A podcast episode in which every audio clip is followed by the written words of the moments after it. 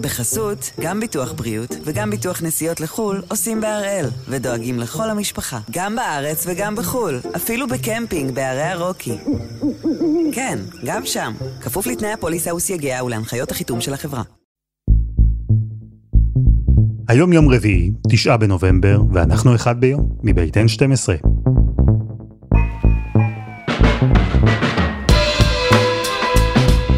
אני אלעד שמחיוף, ואנחנו כאן כדי להבין טוב יותר מה קורה סביבנו, סיפור אחד ביום, כל יום.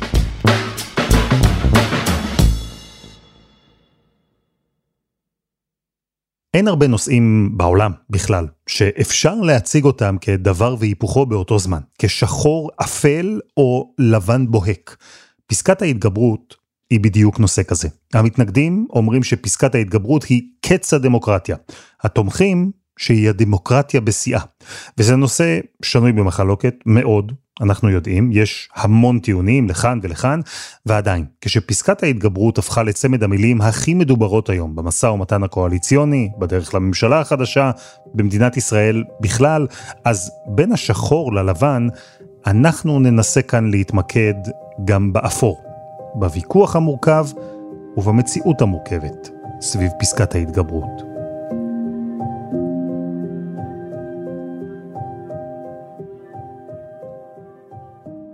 דפנה ליאל, שלום. שלום אלעד. אז מה זו פסקת ההתגברות? פסקת ההתגברות אה, זה למעשה תשובה לשאלה מי מתגבר על מי, מי אומר את המילה האחרונה בסיטואציה שבה חוק אה, של הכנסת כבר נפסל על ידי שופטי בג"ץ, ואז נשאלת השאלה, מה יכולים לעשות בעניין חברי הכנסת? כיום, אחרי שחוק נפסל על ידי בג"ץ, חברי הכנסת צריכים לחוקק אותו מחדש באופן שיהיה תואם את החוק כפי ששופטי בג"ץ פירשו אותו. פסקת ההתגברות אה, נועדה לאפשר לחברי הכנסת לחוקק אותו מחדש כפי שהוא, זאת אומרת להתגבר על הפסיקה של השופטים. למה הנושא הזה עולה בכלל דווקא עכשיו? השיח על פסקת התגברות הוא לא דבר חדש. אז תראה, בכנסות הקודמות הדבר הזה לא התקדם, כי לא ניתן היה להסכים אה, על איזשהו מספר שכולם יחיו איתו בשלום. גדעון סער, אה, למיטב זיכרוני, דיבר על פסקת התגברות אה, של 65 חברי כנסת, אבל הוא היה בקואליציה שבה כל חבר כנסת רצה במספר אחר, והתוצאה הייתה שבסופו של דבר לא עשו עם זה שום דבר. ובממשלה הזאת, נראה שנוצר שעת כושר לרוב שתומך בפסקת התגברות של 61, שזה דבר באמת מרחיק לכת, וכמו שזה נראה כרגע, יש את הרוב להעביר את זה, ולכן נוצרו התנאים שהדבר הזה יקרה כרגע, מה שלא קרה בעבר. כלומר, אחרי שבג"ץ יפסול חוק, אז צריך רוב של 61 חברי כנסת כדי להעביר אותו מחדש, זו הכוונה. את אומרת שהיה אבל ויכוח על המספר הזה, על כמה חברי כנסת דרוש כדי להעביר חוק שנפסל. נכון, עכשיו בוא רגע נבין את ההבדלים. זאת אומרת, חברי הכנסת שתומכים ברוב של 65 חברי כנסת, אומרים, בסדר, אנחנו מקבלים את העיקרון שבו בנסיבות מסוימות, גם אם בית המשפט קבע שחוק לא חוקי, צריך לתת לחברי הכנסת את ההזדמנות אה, לחקק אותו מחדש אה, בתנאים מסוימים, אם הם באמת חושבים שהחוק הזה מאוד מאוד חיוני. אבל בשביל שלא יהיה פה מצב שכל רוב יכול אה, לדרוס אה, זכויות אדם או לדרוס את המיעוט, צריך שלפחות זה יהיה באיזשהו רוב שמראה שבאמת יש קונסנזוס רחב סביב הסוגיה. אה, ולכן הם אומרים שרוב של 65 אולי 70 חברי כנסת זה איזשהו רוב מאוזן וסביר כדי לדאוג שהאיזונים נשמרים.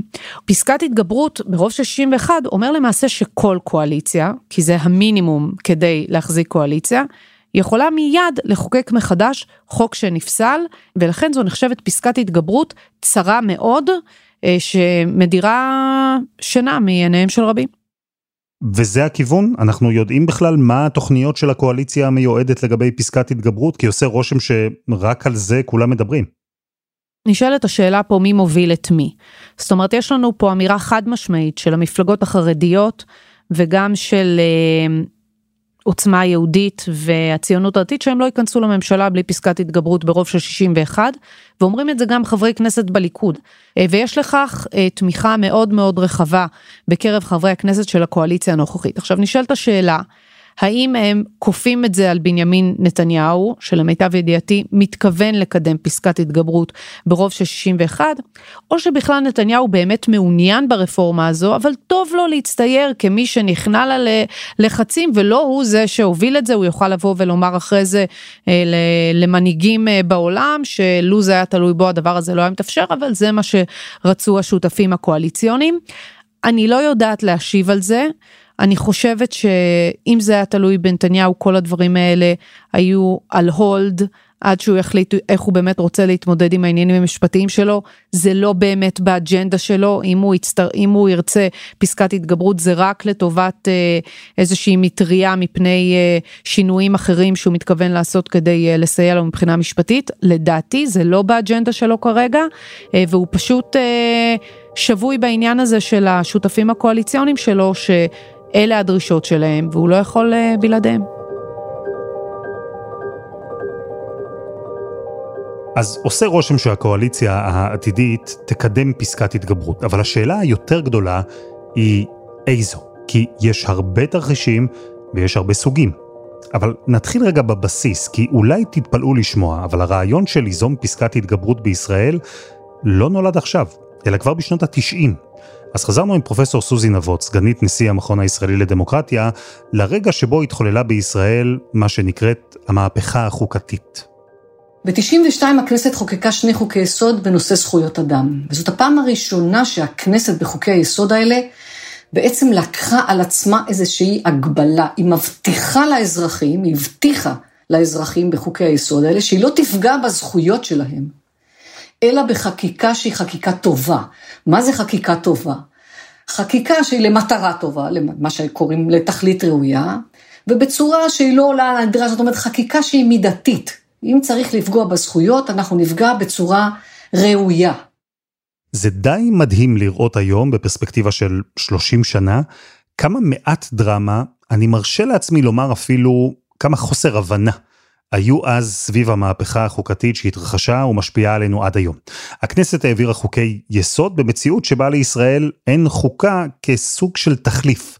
וגם ההבטחה הזו של הכנסת, שהיא לא תפגע בזכויות באופן שאינו מידתי ולא צודק, זה לא נתפס אז כאיזו החלטה שנויה במחלוקת שתעסיק פוליטיקאים, אנשי משפט ואת הציבור בכלל שלושה עשורים אחר כך. אלא שאז חוקי היסוד והאפשרות לפגוע בזכויות, כל אלו עמדו פתאום למבחן, מבחן ראשון. שנתיים לאחר מכן התעוררה בעיה פוליטית. היה צריך להעביר חוק, זאת הייתה ממשלת רבין השנייה, אה, רבין ואריה דרעי, ראש אה, ש"ס באותה תקופה, במסגרת ההסכם הקואליציוני היה צריך להעביר איזשהו חוק שעוסק בעצם בהגבלה של יבוא בשר שהוא לא כשר. והיו דיונים בבתי משפט בנוגע להיתרים, ובאחד הדיונים שהיה בבית המשפט, אגב החוק עוד לא נחקק, אחד השופטים אמר, באיזושהי הערה בצד, הוא אמר, תראו, ממשלה נכבדה, אם אתם רוצים לחוקק חוק שמונע יבוא בשר לא כשר לארץ, תדעו לכם שהחוק הזה יכול להיות שהוא פוגע בזכות של חופש העיסוק, של כל יבואן, וה, והמטרה של החוק הזה לא בטוח שהיא מטרה לטובת הכלל, כפי שהיה כתוב, ולא בטוח שהחוק הזה מידתי. והשאיר את הסיפור הזה בסימן שאלה. עכשיו הממשלה אומרת, רגע, מה אנחנו עושים עכשיו? אנחנו התחייבנו להעביר את החוק הזה שמונע יבוא בשר לא כשר. ואיך אנחנו נעביר את זה כך שבית המשפט לא יגיד שהוא לא מידתי, ואז מי יודע מה הוא יעשה איתו. ולכן סוג של, אם תרצה בחיוך, אני אומרת, סוג של אמצעי מניעה.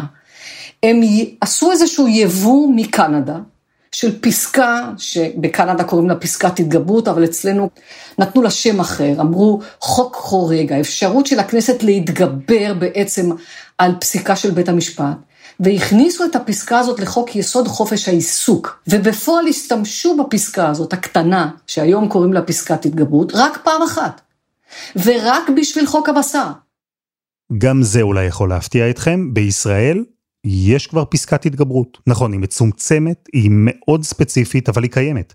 בחוק חופש העיסוק, בסעיף 8, נכנסה תוספת בעקבות אותו מלכוד פוליטי והרצון של רבין ודרעי להגביל יבוא של בשר לא כשר. התוספת הזו אומרת שאפשר להעביר חוק שיפגע באופן ישיר בחוק יסוד חופש העיסוק, כל עוד החוק החדש יוסמך באופן ברור לעשות את זה.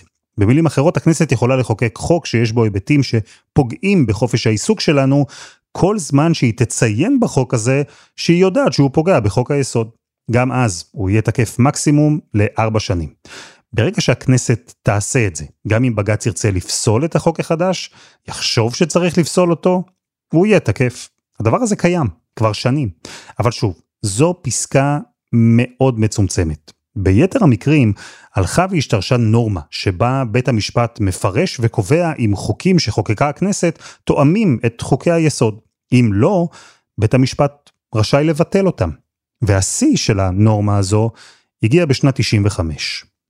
מה שבית המשפט העליון עשה ב-1995, בפסק דין מונומנטלי שקוראים לו בנק המזרחי, שהחזיק במקור 500, נדמה לי, ל-16 או 539 עמודים, ותמיד אמרתי לסטודנטים שלי שליבי איתם שהם צריכים לקרוא אותו. באותו פסק דין בית המשפט אומר, אנחנו בעצם מבינים מהסעיפים האלה שהכנסת הגבילה את עצמה, ומי שיפרש ומי שיגיד האם החוק הוא מידתי או לא מידתי, הוא לתכלית ראויה או לא, זה תפקידו של גוף שיפוטי, ולכן אנחנו מצהירים שחוקי היסוד האלה הם בעצם סוג של חוקה, ולנו יש את הסמכות לביקורת שיפוטית על חוקים, זאת אומרת, לנו יש את הסמכות לבטל חוק, אם אנחנו מגיעים למסקנה, שהיא מסקנה אגב קיצונית, שהחוק הזה הוא לא מידתי, זאת אומרת שהאמצעים שנבחרו כדי להגביל את הזכות הם לא רלוונטיים, הם פוגעים יותר מדי. אגב, זה פסק דין שהוא נמצא לפעמים במחלוקת באקדמיה, כי אמרו בית המשפט לקח לעצמו את הכוח הזה. גם אני למדתי משפטים באוניברסיטה, וגם אני זוכר את פסק הדין הזה, בנק המזרחי, כפצצת שעמום. אבל זה בדיוק העניין. מאחורי מאות העמודים בשפה המשפטית היבשה, התרחשה בישראל דרמה ענקית. בית המשפט קבע אז שחוקי היסוד, חופש העיסוק, כבוד האדם וחירותו, חוקים שנחקקו בזמנו, הם כמו חוקה. ולכן יש לבית המשפט את הסמכות לבטל חוקים אחרים ממעמד נמוך יותר שמנוגדים להם באופן לא מידתי ולא צודק. אהרון ברק היה הנשיא, הוא תמך בזה, מישאל חשין היה מיעוט שהתנגד, היה ביניהם ויכוח, והוויכוח הזה יצא גם מחוץ לגבולות בית המשפט. אבל התקדים נקבע. הכנסת תחוקק, בית המשפט העליון יבחן, ויכול, אם הוא חושב שדרוש, לבטל. מאז בעצם נולד גם הדיון על פסקת ההתגברות המורחבת יותר, אפשרות של חברי הכנסת להטיל וטו על הווטו של בית המשפט העליון, להתגבר על החלטת הביטול של בית המשפט העליון. בפועל, פרופסור נבות, מאז שנת 95 ועד היום, היו יחסית מעט מאוד מקרים שבהם זה באמת קרה, שבג"ץ החליט ממש לבטל חוק. זה באמת מקרים מאוד חריגים, כמו חוק ההסדרה למשל, שזה חוק שהיועץ המשפטי אמר, היועץ המשפטי לממשלה אמר, אתם לא יכולים לעשות את זה, אתם לא יכולים להכשיר בנייה לא חוקית על קרקע פלסטינית פרטית ביהודה ושומרון. זו פגיעה חמורה מאוד בקניין, בית המשפט פסל אותו והיה ברור שהוא יפסול, בית המשפט פסל את חוק הגיוס. אה, והוא לא פסל את זה פעם אחת, אלא הוא פסל את זה כבר כמה פעמים. הוא אמר, תראו, חוק הגיוס זה, זה דבר מאוד בעייתי, יש גיוס חובה לכולם. ויש במדינת ישראל עיקרון של שוויון, ואתם יכולים לפגוע בשוויון כמובן למטרה טובה, ואין שום ספק שלימוד תורה זה מטרה טובה. אבל הפגיעה צריכה להיות מידתית, אז זה גם בוטל. חוק המסתננים בוטל. לא בגלל שהמטרה היא לא טובה, מה שנקרא, לפתור את הבעיה הזאת של אנשים שהם לא בהכרח, הם, הם, מה שנקרא, זכאים למקלט, אלא הם אולי אנשים שמשפרי עבודה. אבל הדרך שמצאתם, אתם לא יכולים לתפוס אנשים במרכאות ברחוב ולהעביר אותם למאסר בלי לשפוט אותם. אתם חושבים שהם עבריינים? אתם רוצים לשלוח אותם למאסר? תעמידו אותם לדין. כמה חוקים בוטלו עד היום? אתה יודע, פחות מ-20 ב-25 שנה.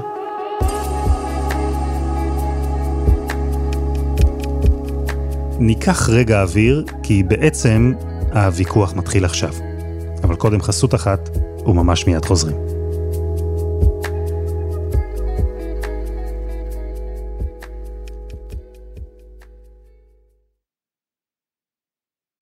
בחסות, גם ביטוח בריאות וגם ביטוח נסיעות לחו"ל עושים בהראל, ודואגים לכל המשפחה, גם בארץ וגם בחו"ל, אפילו בקמפינג בערי הרוקי. כן, גם שם, כפוף לתנאי הפוליסה וסייגיה ולהנחיות החיתום של החברה. אנחנו עם פסקת ההתגברות, היוזמה שמתגלגלת בקרב חברי הקואליציה המיועדת, התיקון שעושה רושם שייכנס בקרוב לחיינו וישנה את מערכת היחסים שבין הכנסת לבית המשפט העליון. ישנה לגמרי את הדמוקרטיה הישראלית. אנחנו דיברנו אתמול עם המון אנשים, מתנגדים, תומכים, מומחים חיצוניים, ויש מסקנה בסיסית ומעניינת אחת. כולם מסכימים שהשיטה הישראלית מלאה בבעיות, רחוקה מלהיות מושלמת. קחו לדוגמה הסבר אחד של פרופסור נבות, כשהיא מסבירה, כמו שהיא מסבירה, למה השיטה הישראלית כל כך מוזרה, זה באמת נשמע הזוי. אתה זוכר את ממשלת גנץ נתניהו? החלטה ראשונה, בואו נשנה את המשטר למשטר דו-ראשי. אגב, נכון לרגע זה אנחנו עדיין ממשלה, ממשלת מעבר דו-ראשית. אני לא מכירה דבר כזה. למה עשו את זה? כי הייתה קונסטלציה פוליטית שחייבה את זה. אבל באיזה מדינה אפשר תוך ימים ספורים לשנות את שיטת המשטר? בישראל יש דמוקרטיה פרלמנטרית בלי חוקה, בלי מסמך אחד קשיח, יציב, שמאגד לו מלמעלה את כל הערכים, את הזהות של המדינה, את מבנה הכוח שלה, את מה מותר ומה אסור. זו שיטה שבה יש גוף אחד, הכנסת, שאחראי על חוקים, ולרוב של הכנסת יש בפוטנציה המון כוח, למשל לקבוע ברגע שאין ראש ממשלה אחד אלא שניים. זו שיטה שבה חוק יסוד, כבוד האדם וחירותו, אחד החוקים הכי חשובים בישראל, חוק על, עבר ברוב של 32 חברי כנסת אל מול 21, זה היה מספיק. וזו שיטה שבה בית המשפט העליון ראה את כל זה ולקח לעצמו סמכות להיות הבלם, האיזון, זה שמרסן את הכנסת.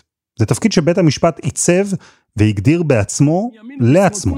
זה לא יכול להיות שעם כל הכבוד, כן, שאנשים על פי הסבירות שלהם יחליטו מה סביר, מה ציבור הנאור ומה לא הציבור הנאור. אז בשביל מה אני הולך לבחירות? סליחה, בשביל מה אני הולך לבחירות? תגיד לי, בשביל מה אנחנו מבזבזים כל כך הרבה קמפיינים בבחירות, בשביל שמה, שאנחנו זה ואחר כך נשב בבית ומישהו יחליט? ראית מה אמר נתניהו ביום חמישי? כשהכנסת לא לוקחת ברצינות את החוקים שלה, היא לא מצליחה להבין למה בית המשפט כן לוקח אותם ברצינות.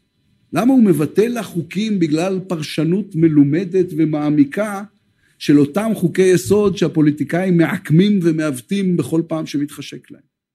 וזה המהות של הוויכוח. המתנגדים לפסקת ההתגברות אומרים שזה תפקיד שבית המשפט העליון היה חייב לקחת לעצמו, כי אחרת לכנסת לא היו בלמים. יהיה לרוב כוח בלתי מוגבל ותהיה לו יכולת בלתי מוגבלת לפגוע במיעוט. התומכים בפסקת ההתגברות אומרים שעם כל הכבוד לבית המשפט העליון, הוא בעצם מינה את עצמו לסוג של מחוקק על. קומץ שופטים שלא נבחרו על ידי הציבור יכולים לקחת חוקים שחוקקו נציגי העם ולבטל אותם, כי לפי הפרשנות שלהם, של השופטים, אלו חוקים לא צודקים ולא מידתיים. אז זה ממש בגדול בסיס הוויכוח. אבל ניכנס רגע פנימה לעוד שכבה שלו, כי תומכי פסקת ההתגברות אומרים שנקודת המבט הזו, שלפיה הרוב בכנסת רק רוצה לפגוע בזכויות של המיעוט, בזמן שבית המשפט העליון הוא אה, איזה כוח אור מגן המיעוטים, הם אומרים שזו תפיסה מעוותת, כי הרוב לא רוצה לפגוע במיעוט, וכי בית המשפט העליון לא תמיד מגן על מיעוטים. יש למשל בימין טענה שבג"ץ מוטה באופן מסורתי שמאלה, זה טיעון שנשמע. אפשר לעשות איזה הסכמים קואליציוניים שרוצים, ולהתחייב לייהד את הנגב ואת הגליל, ולהסדיר את הישבות ביהודה ושומרון, ולחזק את המשילות והריבונות, ולהיאבק בטרור, ואפשר להבטיח לרפא את הכלכלה, ולטפל ביוקר המחיה וביוקר הדיור ובמשבר התחבורה, וכל דבר כזה בסוף נבלם, בין אם על ידי בית המשפט ובין אם על ידי יועצים משפטיים בעלי אג'נדה, שלא מוכנים ליישר קו עם עמדות לגיטימיות של נבחרי ציבור שקיבלו מנדט, ואין להם זכות לממש את המנדט הזה, יש להם חובה כי זו המשמעות של דמוקרטיה. אגב, הממשלה האחרונה שהייתה ממשלת... המתנגדים לפסקת ההתגברות, למשל נשיאת בית המשפט העליון, השופטת חיות, טוענים שכוח משחית, שכוח אבסולוטי משחית באופן אבסולוטי. טועה מי שסבור כי פסקת ההתגברות מתגברת על בית המשפט. לאמיתו של דבר, מדובר בהתגברות על זכויות האדם של כל פרט ופרט בחברה הישראלית, ובמתן הכשר לכנסת, בתמיכת הממשלה, לחוקק באין מפריע חוקים שיפגעו בזכויות האדם. ממילא, אומרים המתנגדים, לא ברור למה בכלל צריך פסקת התגברות. בית המשפט בקושי ביטל חוקים, הוא מקפיד שלא להתערב בעבודה של הכנסת. ולזה מגיבים התומכים בפסקת ההתגברות שנכון, רק כ-20 חוקים בוטלו, אבל בפועל בוטלו אלפי חוקים פוטנציאליים, כי חברי הכנסת מראש מפחדים, מצנזרים את עצמם ולא מחוקקים בהתאם לאג'נדה שלהם, אלא של בית המשפט. בתוך הוויכוח הזה, הבאנו כאן ממש רק חלק ממנו, יש גם הסכמות רחבות. כי אמרנו, יש סוג של קונצנזוס שהשיטה בעייתית. גם המתנגדים לפסקת ההתגברות, גם התומכים בה וגם המומחים מסכימים רובם המכריע שצריך לשנות, שצריך להסדיר את מה שעד היום בעצם לא הוסדר. צריך לזכור, פסקת התגברות זה לא, זה לא מילת גנאי בעיניי. בחוקה שלנו, במרכאות בחוקי היסוד, לא כתוב שבית המשפט מוסמך לבטל חוקים. אולי הגיע הזמן שנכתוב את זה, אוקיי? אולי הגיע הזמן לחוקק חוק יסוד החקיקה, לשריין את כללי המשחק שלנו, שלא כל ממשלה, לפי איזה גחמה פוליטית, תוכל לשנות את כללי המשחק שלנו. אולי הגיע הזמן לשריין את חוקי היסוד, לבסס את הסמכות של בית המשפט העליון לביקורת שיפוטית על הממשלה ועל הכנסת. לחוקק חוק יסוד חקיקה בהסכמה רחבה, שגם האופוזיציה תהיה חלק מהתהליך הזה, ו- ונסדיר את זה. ואם באמת לא תהיה פשרה במסגרת שריונם של חוקי היסוד במסגרת השלמת ההליך החוקתי לצורך של הכנסת בנסיבות מאוד קיצוניות להתגבר, אז אפשר גם לחשוב על פסקת התגברות. כי אתה יודע, מדינת ישראל היא מדינה ייחודית. אני יכולה להעלות על הדעת מקרה מאוד חריג מבחינה ביטחונית, שיחייב את הכנסת לחוקק משהו מיידי שפוגע פגיעה מאוד לא מידתית בזכויות אדם. ולכן פסקת התגברות יכולה לעלות על הדעת לתקופה מסוימת, אבל לא בצורה הזאת. לא באים 61 אומרים yes we can, כמו שאמר בזמנו אובמה, ואני מחוקק פסקת התגברות כוללת, רחבה, שבעצם התוצאה שלה זה ביטול בג"ץ. אז דפנה, יש הסכמה רחבה שצריך לבסס כללים ברורים כדי לפחות לשים את הוויכוח על כללי המשחק מאחורינו. אנחנו בדרך לשם? פסקת ההתגברות שמדברים עליה בקואליציה הבאה היא באמת שלב בדרך להסדרה גדולה יותר של היחסים המורכבים שבין הכנסת לבית המשפט העליון?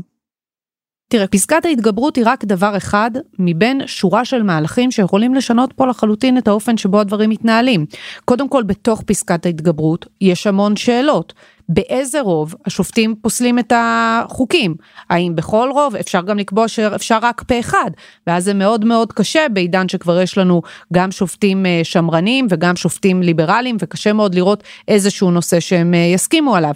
האם אה, ברגע שפסלת חוק אתה יכול לחוקק אותו מיד? אתה יכול לחוקק אותו אולי רק באופן זמני עד שתבוא כנסת חדשה ותחליט מה היא עושה לגביו? באיזה נסיבות אתה יכול לפסול? האם יש נושאים שאתה קובע מראש שבכלל אי אפשר לדון לדון בהם אה, בבית המשפט העליון, זאת אומרת מין חסינות אה, מפני התערבות של בג"ץ עוד לפני שצריך בכלל להתגבר, גם את זה אפשר לקבוע בחקיקה. ולכן אני חושבת שמאוד מאוד מוקדם לקיים את הדיון על ההשלכות של הרפורמה שמתכננת הממשלה הבאה בלי לראות את הפרטים שלה.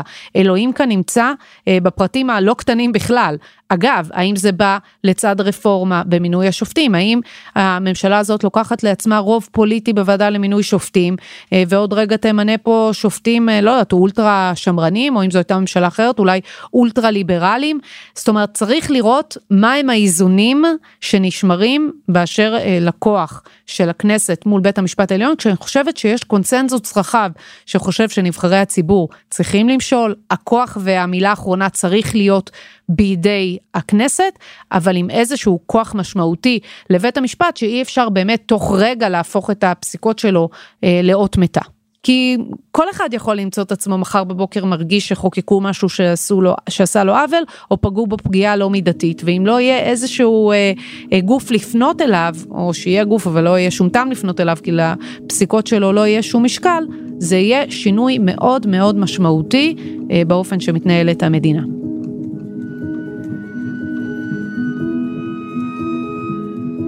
דפנה ליאל, תודה. תודה אלעד. ותודה לפרופסור סוזי נבות.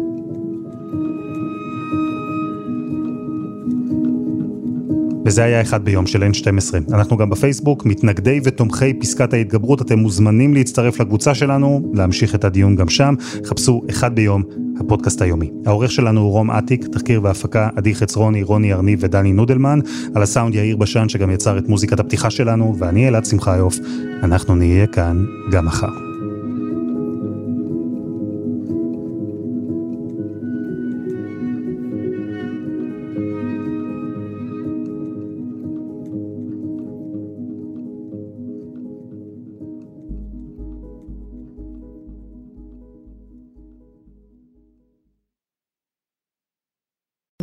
בחסות, גם ביטוח בריאות וגם ביטוח נסיעות לחו"ל עושים בהראל, ודואגים לכל המשפחה, גם בארץ וגם בחו"ל, אפילו בקמפינג בערי הרוקי.